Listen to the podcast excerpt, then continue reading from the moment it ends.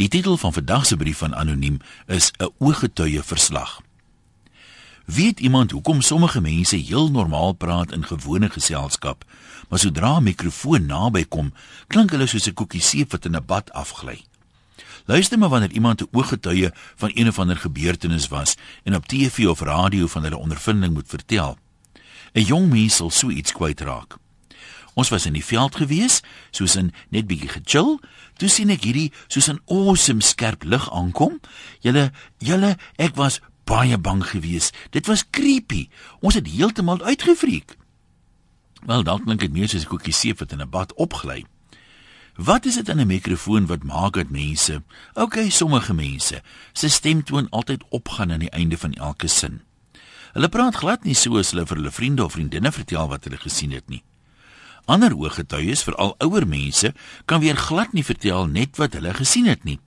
Hulle moet 'n magdom persoonlike inligting ook verskaf, maak nie saak hoe irrelevant dit is nie. Gestel die man met die mikrofoon vra: "Mara, julle was die eerste mense wat op die gestrande walvis afgekom het. Vertel ons daarvan." Dan sal Mara geesdriftig wegval. Ons kom elke jaar vakansie hou hier by See sonder sand. Oupa en ouma was altyd by, maar hulle is nou ook al 10 jaar oorlede. Oupa was tog so oor die walvisse. Vanoggend het ons weer vroeg opgestaan. Op die plaas staan ons altyd vroeg op en is nou al so 'n gewoonte, ons kan glad nie laat slaap hier by die see nie.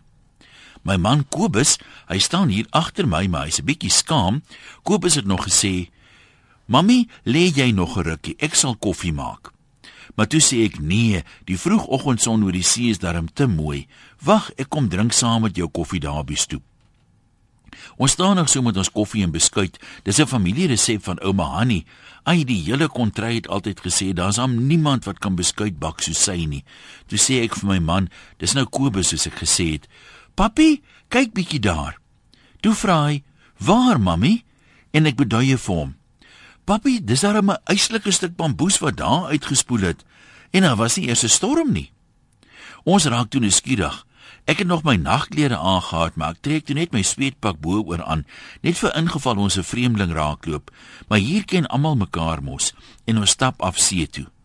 Toe ons nader kom, toe sê my man: "Maar ou nooi, dis mos nie 'n bamboes nie, jong. Kyk, die dinge dan 'n oog." Dis toe dat ek sê: "Heiden, papi, jy's reg. Dis mos 'n walvis wat daar lê." Ek kom my oë nie glo nie, maar my kleindogter, sy's nou in graad 9 daar in die stad. Hulle kom ook elke Desember Kersfees saam met ons hier op see sonder sand. Sy kom toe daar aangehardloop en sy neem die dirasie met haar selfoon af en sy sê: "Ouma, dis 'n whale. Is hy nie awesome nie?" En wat gaan toe deur die gedagtes, mevrou? vra die man met die mikrofoon met die mikrofoon geduldig. Ag meneer, al wat ek kon uitkry was, "Papi, die ding is so groot. Jonas sou maklik in hom ingepas het met plek vir nog een." En daarmee terug na die ateljee. Groete van oor tot oor, anoniem.